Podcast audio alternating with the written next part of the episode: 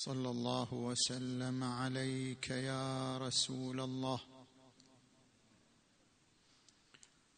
وعلى أهل بيتك المنتجبين يا ليتنا كنا معكم. فنفوز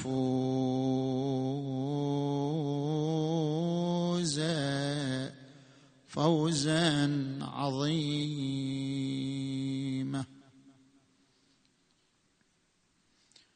يا صاحب العصر أدركنا فليس لنا ورد هنيء ولا عيش لنا رغد طالت علينا ليالي الانتظار فهل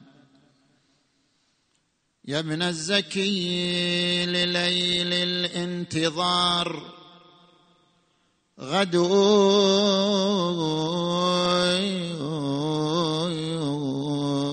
فاكحل بطلعتك الغراء لنا مقلا يكاد يأتي على إنسانها الرمد.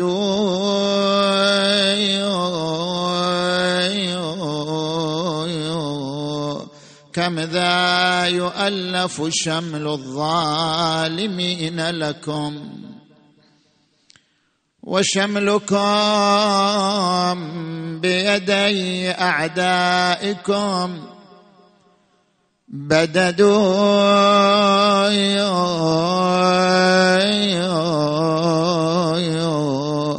فانهاض فدتك بقايا أنفس ظفرت. بها النوائب لما خانها.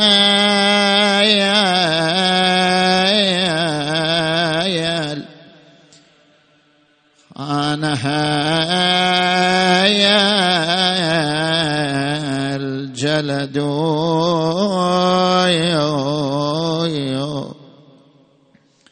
هب أن إن جندك معدود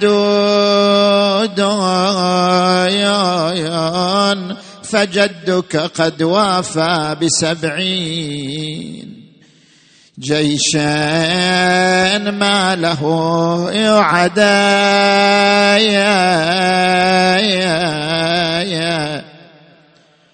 عدايا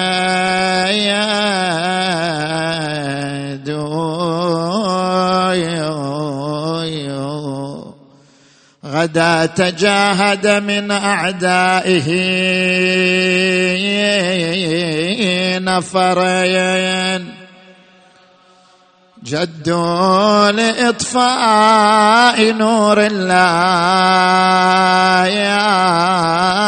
واجتهى يا وعصبة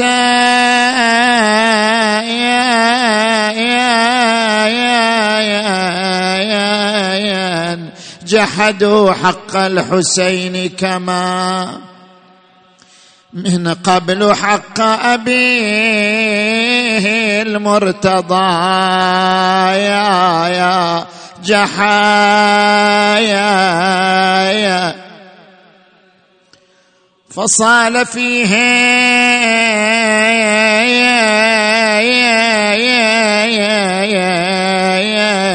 بأبطال إذا برقت سيوفهم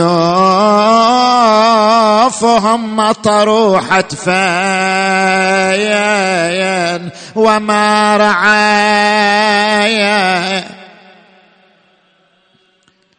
وكأني بهم صرعى على الثرى والحسين واقف على أجسامهم.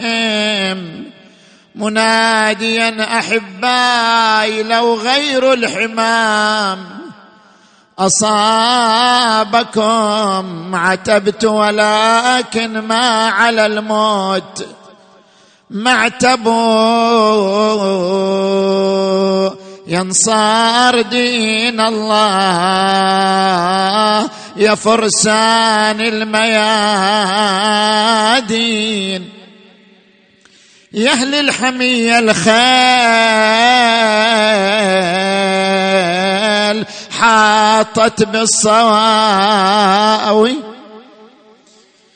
أنا ناديت حتى دمعتي بالخد سالت. يا أهل الحمية والعداية حال استدارت.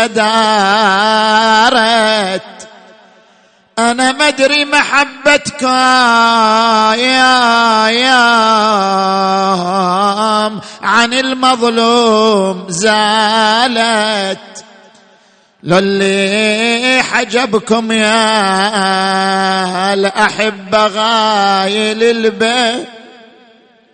أعوذ بالله من الشيطان الغوي الرجيم. بسم الله الرحمن الرحيم.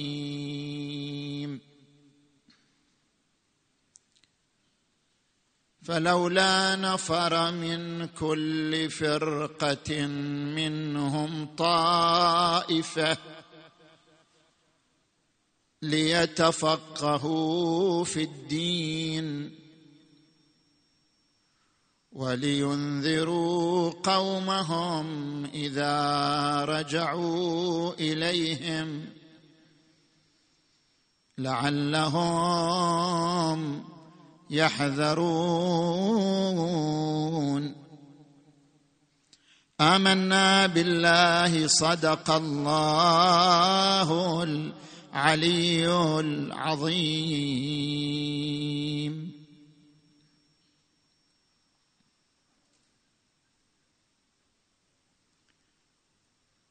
انطلاقا من الآية المباركة نتحدث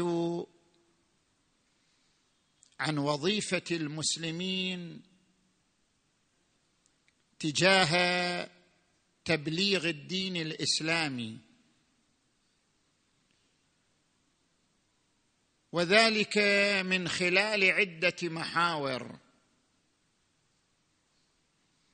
ما هو الفارق بين الحضارة الليبرالية الغربية والحضارة الإسلامية. ما هي الأدوات اللازمة لنشر فكر الحضارة الإسلامية؟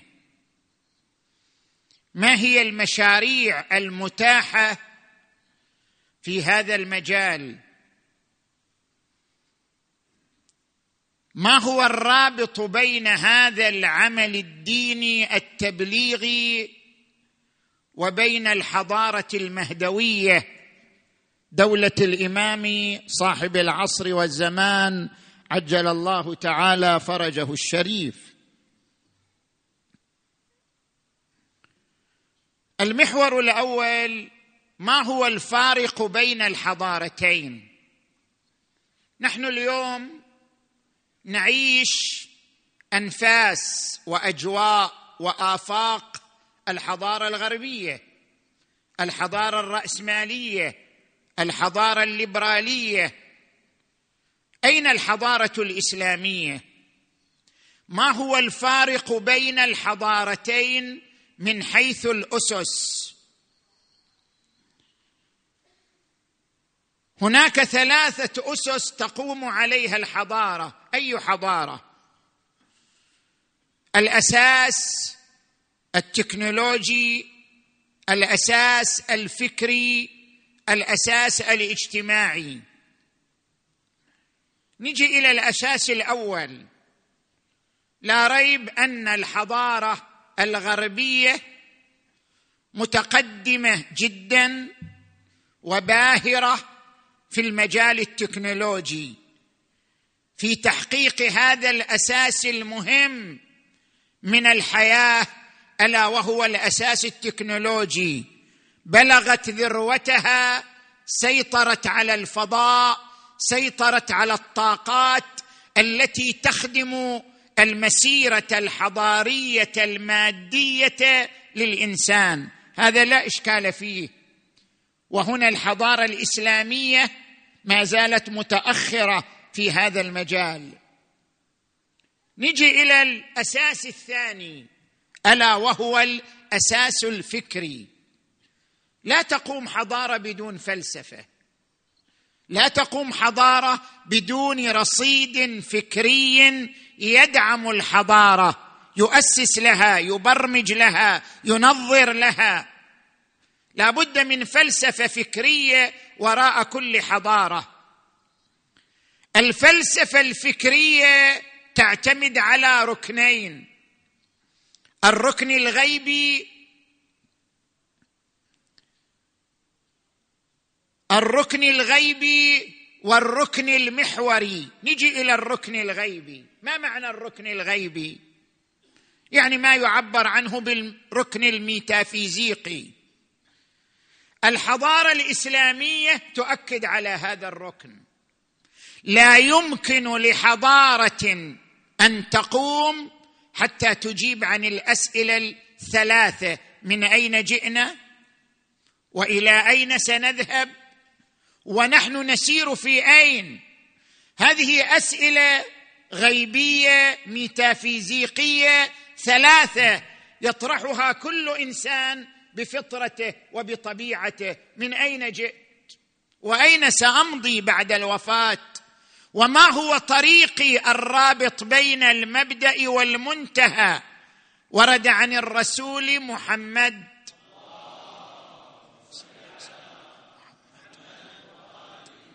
نظر الله عبدا عرف من أين وفي أين وإلى أين؟ من أين جئنا؟ وإلى أين ننتهي؟ هذا الركن الميتافيزيقي الحضارة الرأسمالية الليبرالية لا تعتني به. هذا مو مهم. ليس مهما أن نعرف كيف جئنا وأين سنمضي وما هو الرابط بين المبدأ والمنتهى شيء لا دخل له في عالم المادة ولا في عالم التكنولوجيا. ولذلك نحن لا حاجة عندنا للإجابة عن هذه الأسئلة. الحضارة الإسلامية ترى أن هذا الركن لا بد من الأجوبة المقنعة له لأنه سؤال يطرحه كل إنسان بحسب فطرته ويقرر على أساسه مسيرته وأهدافه. الركن الثاني وهو المهم. أين المحورية؟ محورية الحضارة الرأسمالية الإنسان. المهم هو الإنسان. الإنسان. كيف يكون الإنسان محورا للحضارة؟ من خلال إطلاق أكبر قيمة للإنسان ألا وهي قيمة الحرية. الإنسان ثم الحرية. من أجل أن يكون الإنسان محورا للحضارة لا بد أن تفتح له آفاق الحرية. وآفاق الحرية إنما تنفتح له من خلال الغريزة الفطرية التي يعيشها الإنسان ألا وهي غريزة حب الذات. اذا الحضارة هي التي تخدم الإنسان والإنسان إنما ينفتح له باب الخدمة إذا أطلقت له قيمة الحرية. وقيمة الحرية ماذا تعني؟ تعني أنه حر في ثلاثة أشياء. حر في تحصيل الثروة بأي أسلوب؟ حر في ممارسة الجنس بأي شكل ومع أي جهة؟ حر في شكله تغيير جنسه. الحفاظ على جنسه هو حر. عندما تكون له الحرية الاقتصادية الحرية الجنسية الحرية في بدنه وشكل جسمه حينئذ تكون الحضارة قد قدست الإنسان وجعلت الإنسان محورا مفصليا مهما لها. الحضارة الغربية قائمة على أساس محورية الإنسان وحريته في هذه المجالات الثلاثة التي تحدثنا عنها. بينما الحضارة الإسلامية تقول لا المحورية للمجتمع وليس للإنسان. الإنسان الاجتماعي وليس الإنسان الفردي. الإنسان الفردي جزء أما المحورية للمجتمع الإنساني بما هو مجتمع إنساني المحورية للمصالح الاجتماعية لا للمصالح الفردية. المصالح الفردية تقنن من خلال الحفاظ على المصالح الاجتماعية العامة. لذلك ترى القرآن الكريم حريص دائما على الأمة. كنتم خير أمة أخرجت للناس ولتكن منكم أمة. يأمر يدعون إلى الخير ويأمرون بالمعروف وينهون عن المنكر. ويقول القرآن الكريم وأن هذه أمتكم أمة واحدة وأنا ربكم فاعبدون. وكذلك جعلناكم أمة وسطا لتكونوا شهداء على الناس ويكون الرسول عليه المهم الأمة الأمة وليس الفرد. مصالح الأمة هي المحور في الحضارة. الحضارة التي تخدم المصالح الاجتماعية هي الحضارة التي يجب أن تقوم وأن تنطلق. نعم يؤمن للإنسان مصالحه الفردية لكن ضمن المصالح الاجتماعية العامة. لذلك حرم الإسلام الربا. حرم الإسلام الممارسة الجنسية بلا حدود. حرم الإنسان التصرف في بدنه وشكله من دون رعاية الضوابط العقلائية الاجتماعية العامة. كل ذلك تقديما للمصلحة العامة على المصلحة الفردية الخاصة. اذا هذا اختلاف محوري بين الحضارتين. نجي إلى الأساس الثالث ألا وهو الأساس الاجتماعي. الحضارة الغربية رغم أن المجتمع الأمريكي ما زال يعتبر مجتمع متدين وفي أمريكا آلاف الجمعيات الخيرية التي تخدم الإنسان.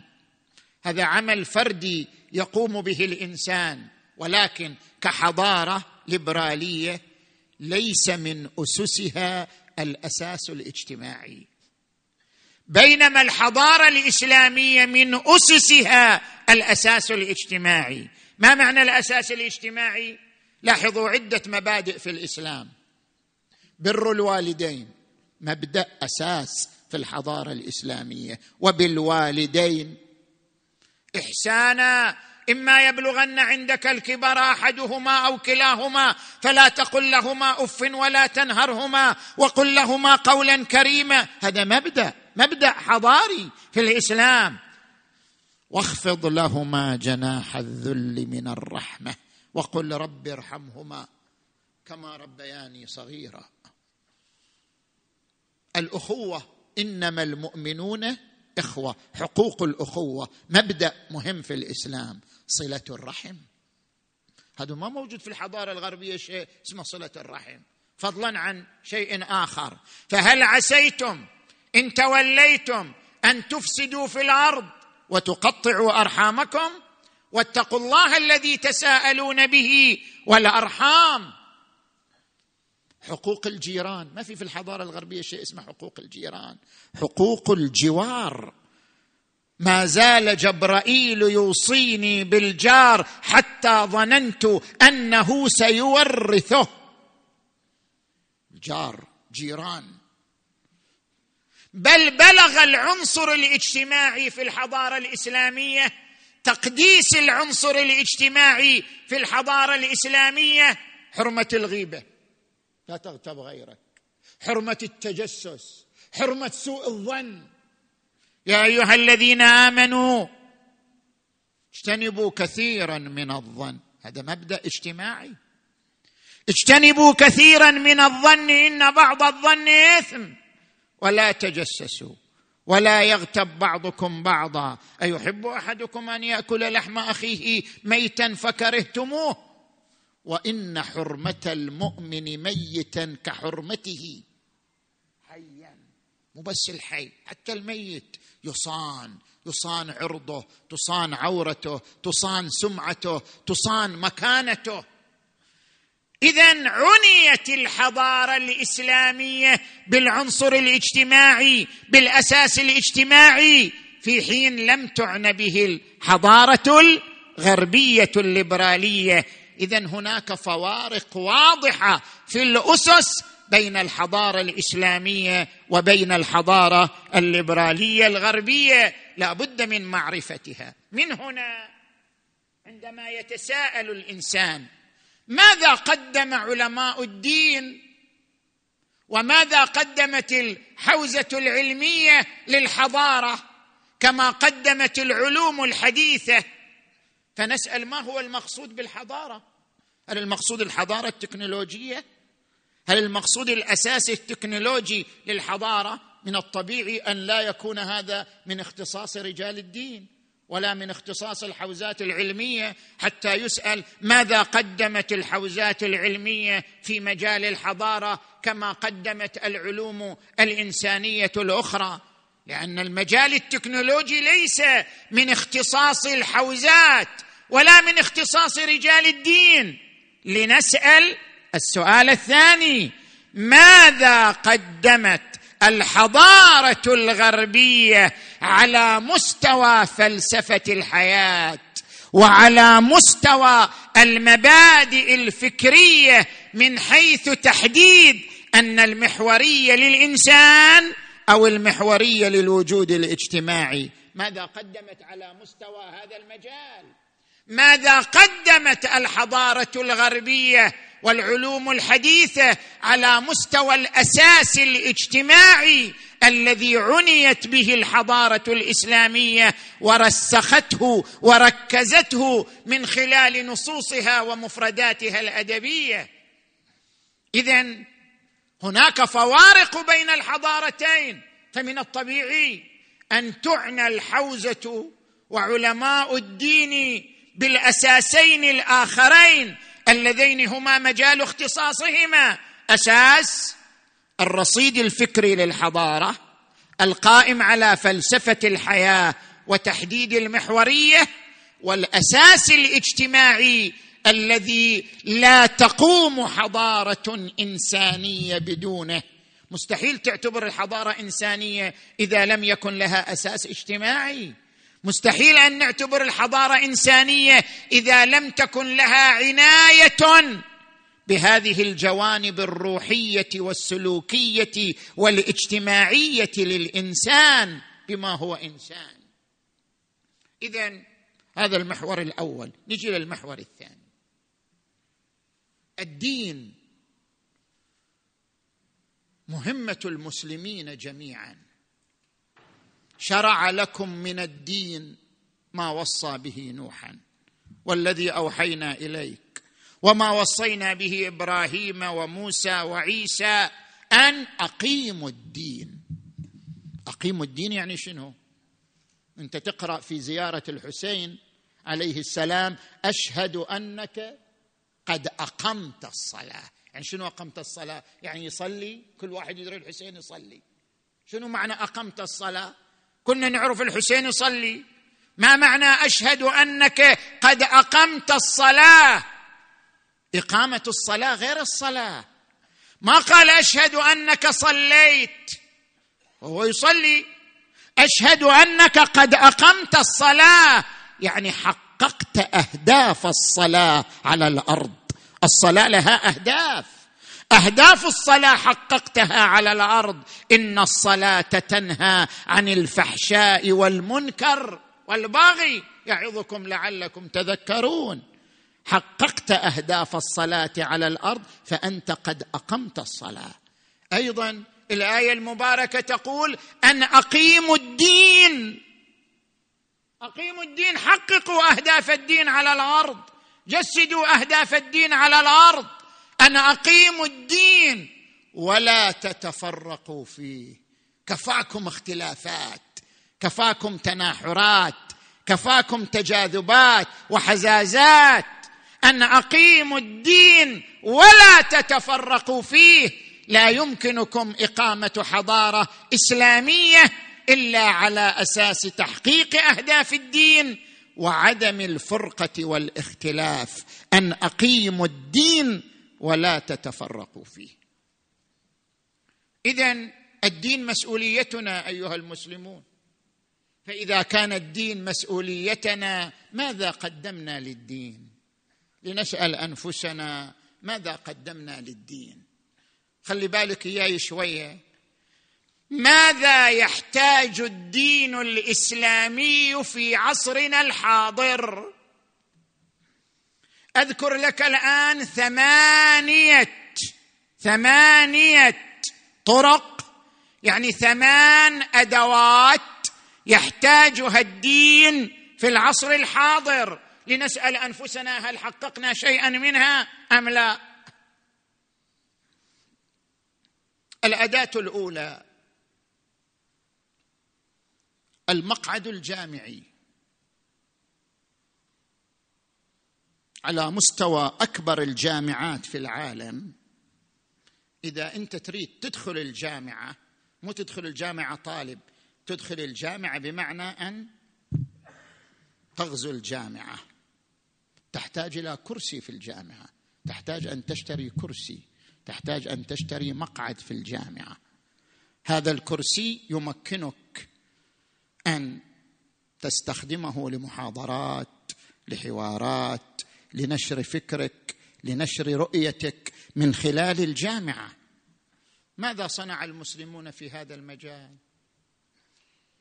الإخوة الأمريكيون الباكستانيون الشيعة اشتروا كرسيا في مجتمع هارفو في جامعة هارفورد مو هارفارد فرق بين الجامعتين. اشتروا كرسي هناك بآلاف بملايين الدولارات. هذا الكرسي يمكن من يشتريه بأن تكون له حق في الجامعة إقامة محاضرات إقامة حوارات نشر رؤية نشر مجلة إلكترونية من خلال الجامعة. حقه بهذا الكرسي الذي إذا اشتراه استطاع أن يدخل فكره إلى الجامعة. ماذا قدمنا نحن؟ ماذا قدمنا؟ أنا زرت عدة جامعات على مستوى أمريكا وأوروبا. منها جامعة جورج واشنطن في واشنطن. سألوني أين كرسيكم؟ أين مقعدكم؟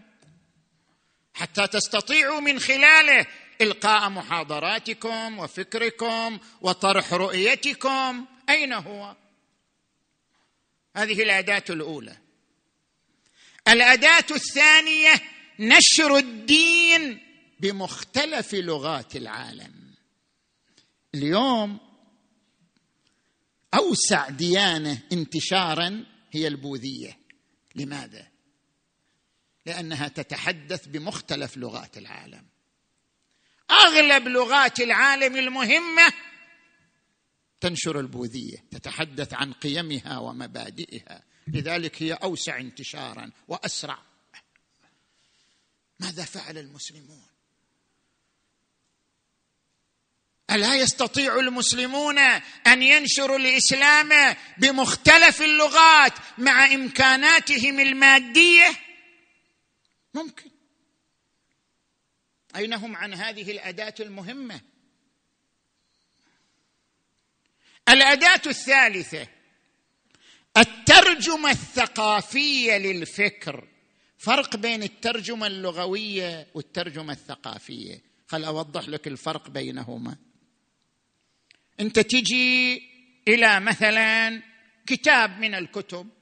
لنفترض مثلا تجي إلى كتاب فلسفتنا للسيد الشهيد السيد محمد باقر الصدر قدس سره.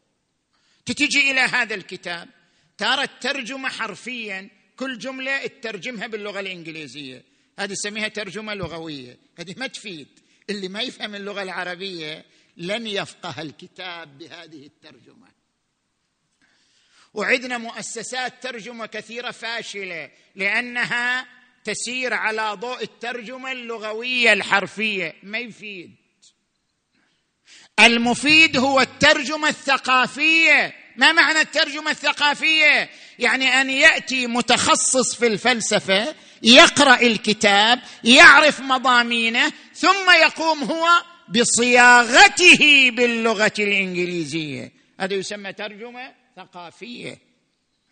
شوف الآن رؤية متحدة هذا الباحث الأمريكي أخذ الحلقة الأولى من الحلقات الأصول. كتاب حلقات في علم الأصول للسيد الصدر أخذ الحلقة الأولى. درسها كباحث عرف مضامينها قام بصياغتها باللغة الإنجليزية. أصبح الكتاب مرجع. لأنه باحث أمريكي صاغه صياغة باللغة الإنجليزية صياغة ثقافية مترجمة لغوية. نحن عندنا مئات الكتب العظيمة المهمة في مجال الفكر والفلسفة وعلم الكلام. تحتاج إلى ترجمة ثقافية لا إلى ترجمة لغوية حتى تصل إلى أهلها. ليعرفها ويميزها ليعرفها ويميزها من هو خبير بها. هذه الأداة الثالثة. الأداة الرابعة. من هذه الأدوات نحتاج إلى المتحدثين باللغات المهمة صح لو لا؟ إحنا اليوم على مستوى الخطباء والعلماء. من يتحدث باللغة الإنجليزية والفرنسية والألمانية واللغات المهمة على مستوى العالم.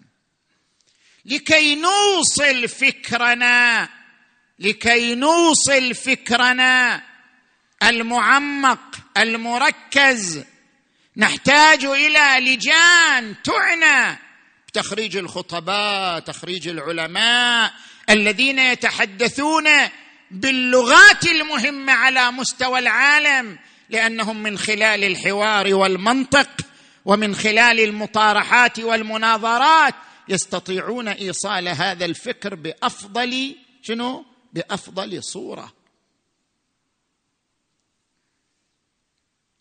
نجي إلى الأداة الخامسة من هذه الأدوات. ماذا نحتاج نحن على مستوى تبليغ الدين؟ نحتاج إلى المطارحات الفكرية. منذ كم سنة كتب السيد الصدر مطارحة فكرية في الفلسفة؟ من قبل خمسين سنة إحنا بعدنا على هذا. صح؟ من قبل خمسين سنة كتب اقتصادنا مطارحة للاقتصاد الرأسمالي والاشتراكي. من قبل خمسين سنة كتب فلسفتنا مطارحة على مستوى نظرية المعرفة في الفلسفة. كتب السيد الطباطبائي أصول الفلسفة مع تعليقة الشيخ المطهري أيضا من قبل خمسين سنة. كتب الدكتور محمود البستاني قبل ثلاثين سنة دروس في علم النفس الإسلامي مطارحات على مستوى علم النفس في المدرسة السلوكية والمدرسة الاستبطانية في علم النفس. الآن ماذا حصل؟ إذا نحن نحتاج إلى مطارحات فكرية. مثلا الآن العلوم الإنسانية اللي هي علوم مؤثرة علم النفس علم الاجتماع علم الإدارة. نحتاج إلى مطارحات فكرية بمعنى أن يدخل أناس متخصصون في هذه المجالات ويحملون الفكر الإسلامي ويقتدرون من خلال التخصص والفكر الإسلامي معا أن يقدموا مطارحات على هذا المستوى لكي يكون لها الجدوى البالغة المؤثرة في هذا المجال. نجي إلى الأداة السادسة. التحصين الثقافي. التحصين الثقافي. تحدثت مع كثير من الإخوة في هذا المجال. كم عددنا اليوم؟ كم عدد المسلمين؟ كم هي الفئة الأكثر عددا الآن؟ الفئة الأكثر عددا هي الأطفال والشباب من سن الخامسه عشر إلى سن الخامسه والعشرين. هؤلاء هم الأكثر عددا. هؤلاء ألا يحتاجون إلى حصانة ثقافية؟ هؤلاء لا يحتاجون إلى عناية ثقافية؟ هؤلاء لا يحتاجون إلى اهتمام؟ لا إشكال أنهم يحتاجون. يحتاجون إلى ثلاثة مشاريع. مسجد الشاب والشابة مأتم الشاب والشابة المجله الإلكترونية للشاب والشابة. أنت اليوم سيد منير يصعد المنبر ويتحدث. هذا خطاب عام. هذا الخطاب العام له لغة معينة له مضامين معينة قد لا يخدم هذه الفئة الشبابية من الذكور والإناث لأن هذا الخطاب لا يعيش همومهم وأفكارهم بشكل مباشر. اذا هم يحتاجون إلى خطاب خاص. يحتاجون إلى منبر يخصهم. يحتاجون إلى مسجد يعالج همومهم وقضاياهم ذكورا واناثا. يحتاجون إلى المجلة الإلكترونية التي تظهر أفكارهم وأسئلتهم وأبحاثهم وتطلعاتهم في مجال المعارف الدينية سواء كانت عقائد أو فقه. هذا ما نعبر عنه بالتحصين الثقافي. والأداة السابعة العمل المؤسساتي. أيننا عن العمل المؤسساتي كل أعمالنا فردية. تحدثنا قبل عدة ليال عن الأمر بالمعروف والنهي عن المنكر. وقلنا بأنه إنما يجب الأمر بالمعروف والنهي عن المنكر إذا احتمل التأثير. يعني إذا أنت تحتمل أن نهيك عن المنكر يؤثر في الشخص المقابل حينئذ يجب النهي عن المنكر. أما إذا علمت أن النهي عن المنكر لن يؤثر شيئا في الشخص المقابل لا يجب عليك نهيه عن المنكر. من يحدد التأثير وعدم التأثير؟ نحتاج إلى لجان. نحتاج إلى عمل مؤسساتي هذا العمل المؤسساتي يأخذ على عاتقه. يأخذ على عاتقه ماذا؟ دراسة ظاهرة المنكر أسبابه مراحله درجاته طرق علاجه طرق الوقاية منه. هذه اللجنة تقدم دراسات في هذا المجال. يستفيد منه من يتصدى للمنبر من يتصدى للمسجد من يتصدى للعمل الديني يستفيد من هذه الدراسات ليبني عليها أن نهيه عن المنكر مؤثر أم غير مؤثر مفيد أم غير مفيد. والأداة الثامنة ألا وهي التحصين الاجتماعي والخيري. زرت أنا مركز الإسماعيلية الآغاخانية في لندن. لنطلع على مشاريعهم وأفكارهم. المرحوم السيد عبد الحسين شرف الدين صاحب كتاب المراجعات معروف. له الكلمة المشهورة لا ينتشر الحق إلا حيث ينتشر الضلال. إذا لم تستخدم نفس الأساليب التي يستخدمها الآخرون في نشر فكرهم وديانتهم ودعاواهم لن تستطيع أن تعمل شيئا. ستبقى متخلفا. لا ينتشر الحق إلا حيث ينتشر الضلال. ماذا يعمل الآخرون؟ هؤلاء عندهم برنامج خيري.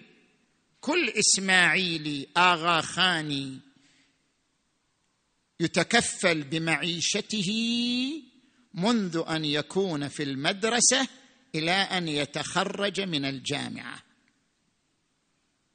وليس عندهم فقير. اذا هذا تحصين تحصين خيري تحصين اجتماعي يربط بين الناس يقوي الأواصر يجعل الناس لحمة واحدة مترابطة متعاونة. وتعاونوا على البر والتقوى ولا تعاونوا على الإثم والعدوان. زين. هذا ما يرتبط بالمحور الثاني وإن أطلت فيه كثيرا. المحور الثالث المشاريع التي يقوم بها علماؤنا وحوزاتنا المباركة. هناك مشاريع كبيرة وضخمة قدمت في كثير من هذه المجالات. عندما نأتي على المستوى التبليغي والديني أول من أسس مكتب هو السيد البروجردي.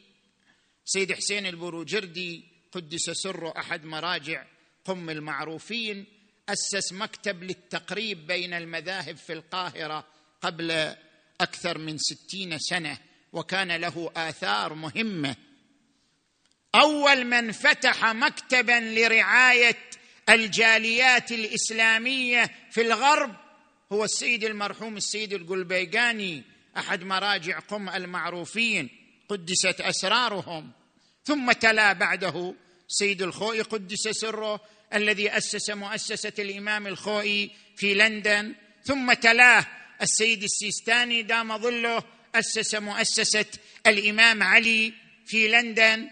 مؤسسة الإمام علي في لندن لها فروع في مختلف أوروبا في ألمانيا في فرنسا في السويد في النرويج في هولندا.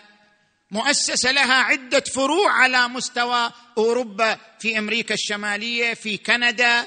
كل هذه الفروع تعمل من أجل تبليغ الدين والمحافظة على الجالية الإسلامية التي تعيش في الغرب.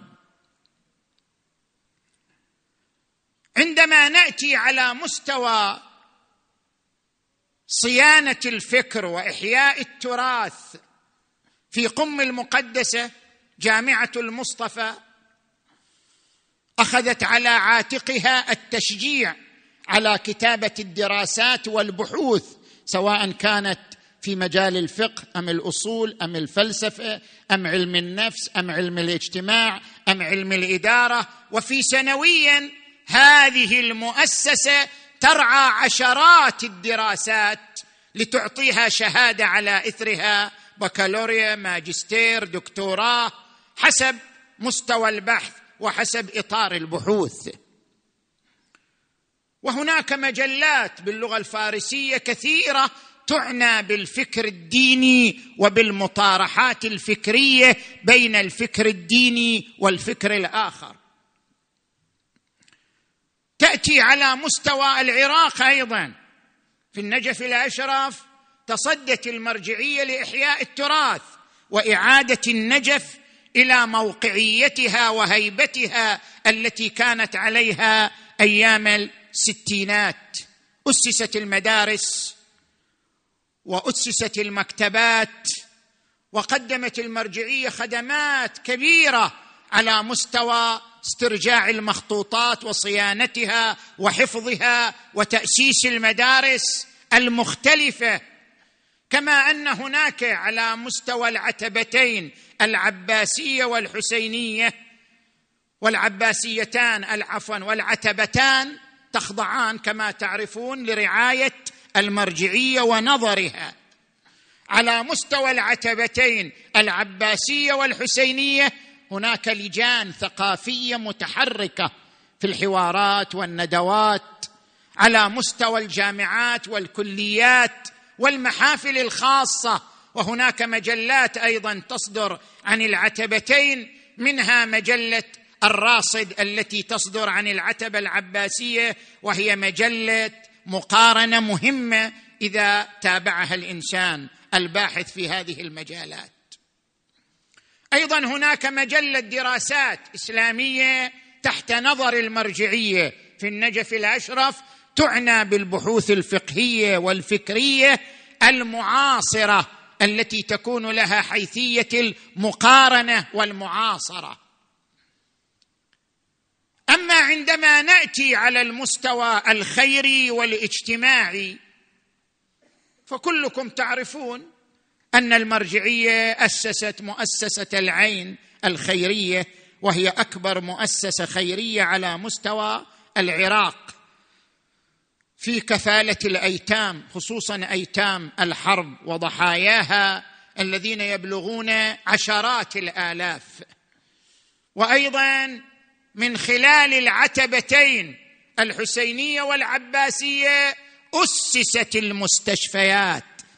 بلا فرق بين المذاهب. هناك مستشفى في الموصل هناك مستشفى مثلا في بعض محافظات من إخوتنا أهل السنة هي تتبع العتبة الحسينية التي هي تحت نظر المرجعية مضافا للمستشفيات الأخرى على مستوى العراق. بل هناك مصانع أيضا تحت نظر العتبتين الخاضعتين لنظر المرجعية. اذا هذه المشاريع موجودة جهود عظيمة مباركة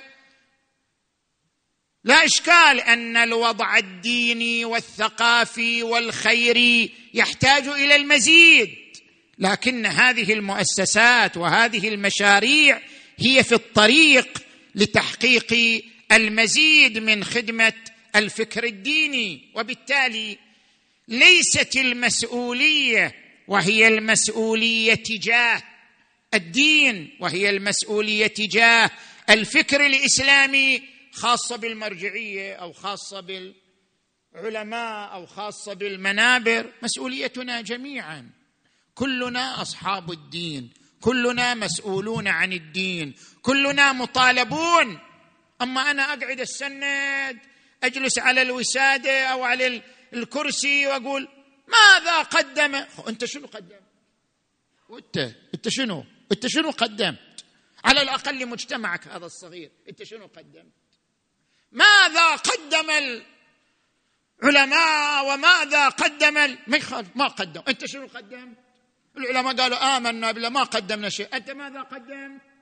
هذا مجتمعك الصغير الذي أنت تعيش فيه ويحتاج إلى اهتمام بالشباب بالشابات يحتاج إلى رعاية يحتاج إلى اهتمام اهتمام فكري اهتمام خيري اهتمام اجتماعي. أنت ماذا قدمت؟ ولو على هذا المستوى الجزئي البسيط. كلكم راع وكلكم مسؤول عن رعيته. كلنا نعيش روح المسؤولية. كلنا نعيش روح الاهتمام. اللي يقدر يقدم فكر اللي يقدم ثقافة اللي يقدر يقدم شعر وأدب اللي يقدر يقدم خطابة اللي يقدر يقدم أموال اللي يقدر يقدم خيرات اللي يقدر يقدم نصائح. كل من موقع قدرته وموهبته وإمكانيته فليقدم لمجتمعه المجتمع الخاص أو المجتمع العام.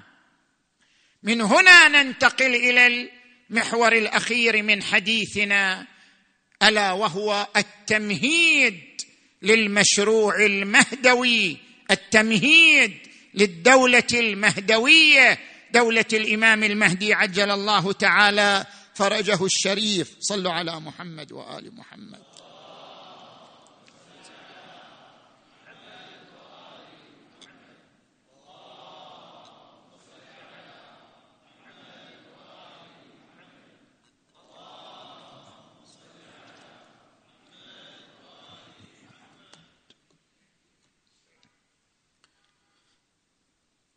هناك سؤالان يتعلقان بهذا المشروع أجيب عنهما سريعا. السؤال الأول كيف نمهد لظهور الإمام؟ كيف نمهد للمشاركة في مشروع الإمام المهدي؟ عجل الله تعالى فرجه الشريف. هناك سورة في القرآن تختصر لك الكلام وتجيبك. والعصر إن الإنسان لفي خسر إلا. إلا ما بعد إلا هو التمهيد. إلا الذين آمنوا وعملوا الصالحات وتواصوا بالحق وتواصوا بالصبر. دور روحي دور سلوكي دور اجتماعي دور روحي للذين آمنوا دور سلوكي وعملوا الصالحات دور اجتماعي وتواصوا بالحق وتواصوا بالصبر. أن تحمل روح اجتماعية. لا أن تقول همي فقط أنا نفسي. المهم أنا نفسي. أنا المهم أصير زين وخلاص. لا. ولتكن منكم أمة يدعون إلى الخير ويأمرون بالمعروف وينهون عن المنكر. كنتم خير أمة أخرجت للناس تأمرون بالمعروف وتنهون عن المنكر. ليكن لك دور اجتماعي. على الأقل تجاه أهلك. قوا أنفسكم وأهليكم. نارا وقودها الناس والحجارة تجاه أرحامك تجاه أقربائك تجاه أصدقائك. أن توصيهم بالأسلوب الحسن المقنع بالحق وبتحمل الحق والصبر على درب الحق وطريق الحق. ادع إلى سبيل ربك بالحكمة والموعظة الحسنة وجادلهم بالتي هي أحسن. كل من طبق هذه الأدوار الثلاثة فهو قد مهد لظهور المهدي فهو من أنصار المهدي. أن تكون من أنصار المهدي أن تكون مؤمنا عاملا للصالحات آمرا بالمعروف وناهيا عن المنكر. هذا هو التمهيد لظهور الإمام المهدي. عجل الله تعالى فرجه الشريف. وما ورد عن الرسول صلى الله عليه وآله أفضل أعمال أمتي انتظار الفرج. ليس المقصود بالانتظار؟ الانتظار السلبي. والله إحنا منتظرون ولكننا جالسون أو نائمون. لا. المقصود بالانتظار الانتظار العملي. أن تكون مؤمنا عاملا بالصالحات امرا بالمعروف ناهيا عن المنكر. الانتظار السلوكي هو الانتظار الذي يرتبط بدولته المباركة. وأما السؤال الثاني ما هي حقيقة مشروعه عجل الله تعالى فرجه الشريف ومعالم مشروعه عجل الله تعالى فرجه الشريف. دولة الإمام ليست دولة سيف وفرس وليست دولة خيمة وإنما دولة الإمام هي الحضارة الإنسانية المأمولة. الإمام المهدي يحقق أمل الأنبياء والمرسلين في إقامة أعظم حضارة عرفها الإنسان على الأرض. إذا أردت أن تعرف دولة المهدي فاستنطقها من هذه الآية. ونريد أن نمن على الذين استضعفوا في الأرض ونجعلهم أئمة ونجعلهم الوارثين. ما معنى الوارثين؟ يعني كنوز الأرض بيدهم طاقات الفضاء بيدهم. كل الثروات بأيديهم يطبقونها بأفضل منهج اقتصادي فاعل. هذا معنى الوارثين. هذه هي الدولة. دولة المهدي هي حضارة تكنولوجية فضائية ولكنها إنسانية أخوية أيضا. هذه دولة المهدي. والإمام عجل الله تعالى فرجه الشريف إنما كان له وقت خاص حتى تجرب الإنسانية كل الدول وكل الأنظمة. إذا جربت الإنسانية كل الأنظمة ومختلف الاتجاهات وحينئذ عرفت أنه لا يوجد اتجاه يقتلع الفساد من جذوره ويطبق الصلاح على الأرض إلا ذلك النظام الذي على يده حينئذ تكون الأرضية المجتمعية مهيئة لاستقبال مشروع الإمام المهدي عجل الله تعالى فرجه الشريف كما ورد عن الرسول محمد.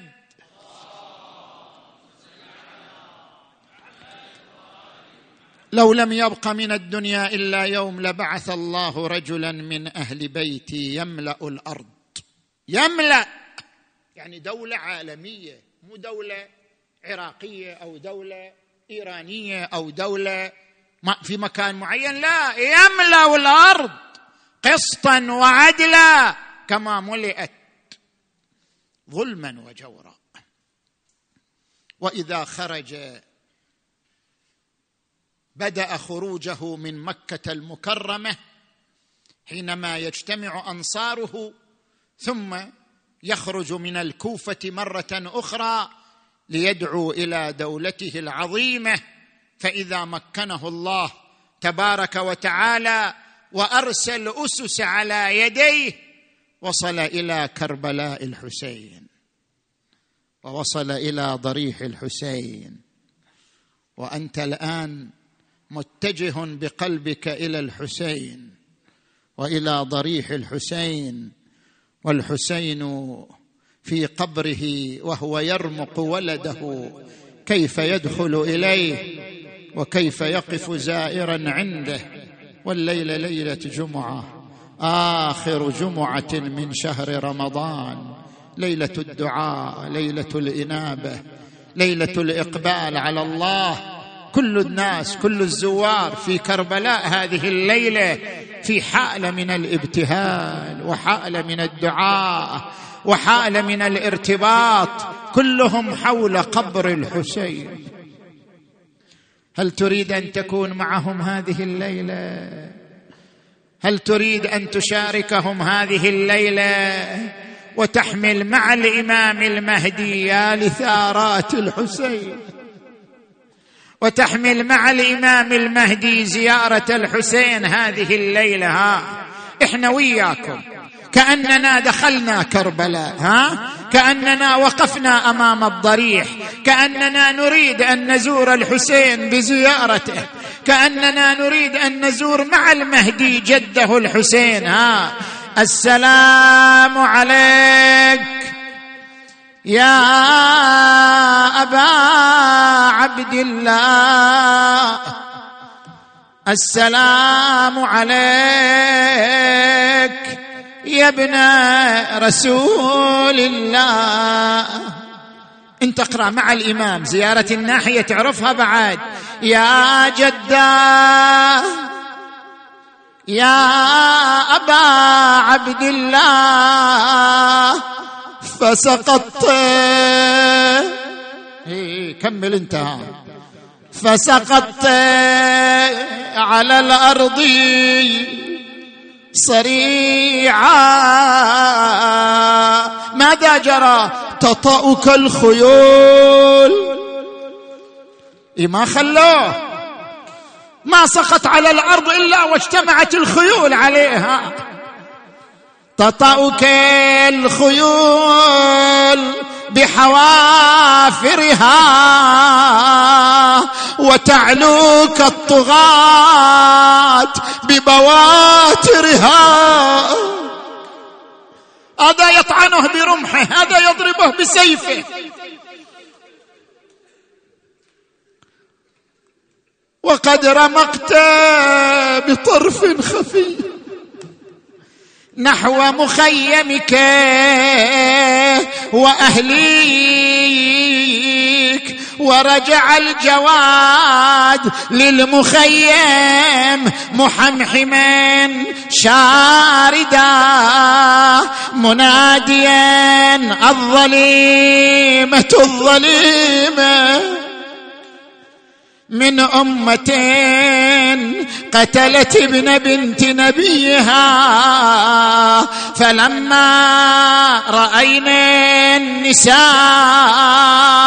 جوادك مخزيا والسرج عليه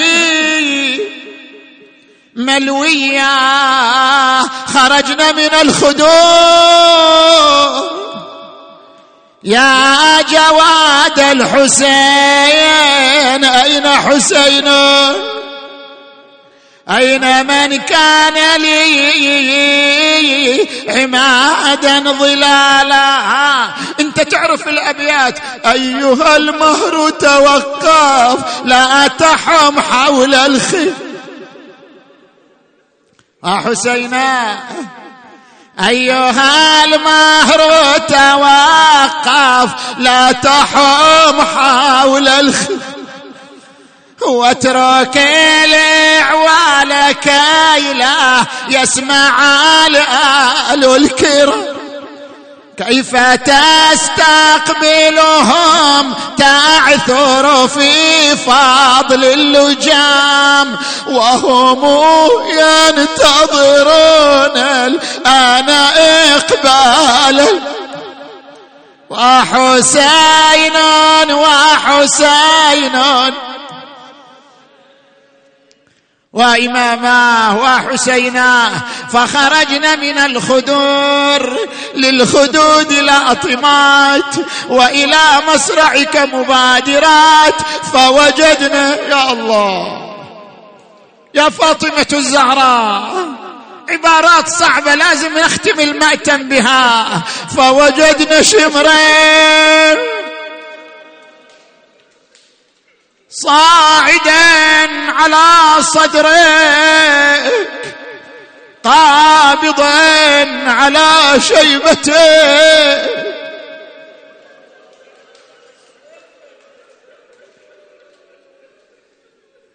إي الله يساعدها هي المفجوعة. قل لي يا شمر بالله دخلي وما شاف من الطابرات يكفي تشوف يلوج يلوج. يحرك رجله يحرك إيده. تشوف يلوج ما غير النفس به عينينا بيفتحها ويغمر. يا خايب خل أخويا حسين ساعة. شوية بس شوية. أغمض له ومد للموت. ما هو شمامة الحلوة. طباعة دخل براح روح حسين تظهر.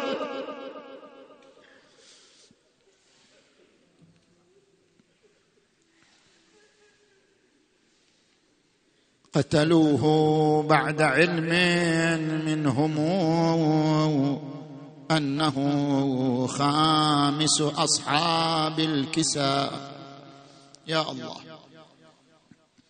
ليلة القادمة إن شاء الله نتحدث عن موضوع ما طلبه الإخوة حول الخمس وموارده ومصارفه. مما يهم المجتمع جميعا إن شاء الله تعالى. في نفس الوقت وستكون محاضرة تفاعلية سؤالا وجوابا لتغطية جوانب الموضوع إن شاء الله تعالى. بسم الله الرحمن الرحيم. امن يجيب المضطر إذا دعاه ويكشف السوء من يجيب المضطر إذا دعاه. ويكشف السوء من يجيب المضطر إذا دعاه. ويكشف السوء من يجيب المضطر إذا دعاه. ويكشف السوء أمن يجيب المضطر إذا دعاه ويكشف السوء يا الله يا الله يا الله يا الله يا الله يا الله يا الله يا الله يا الله يا الله.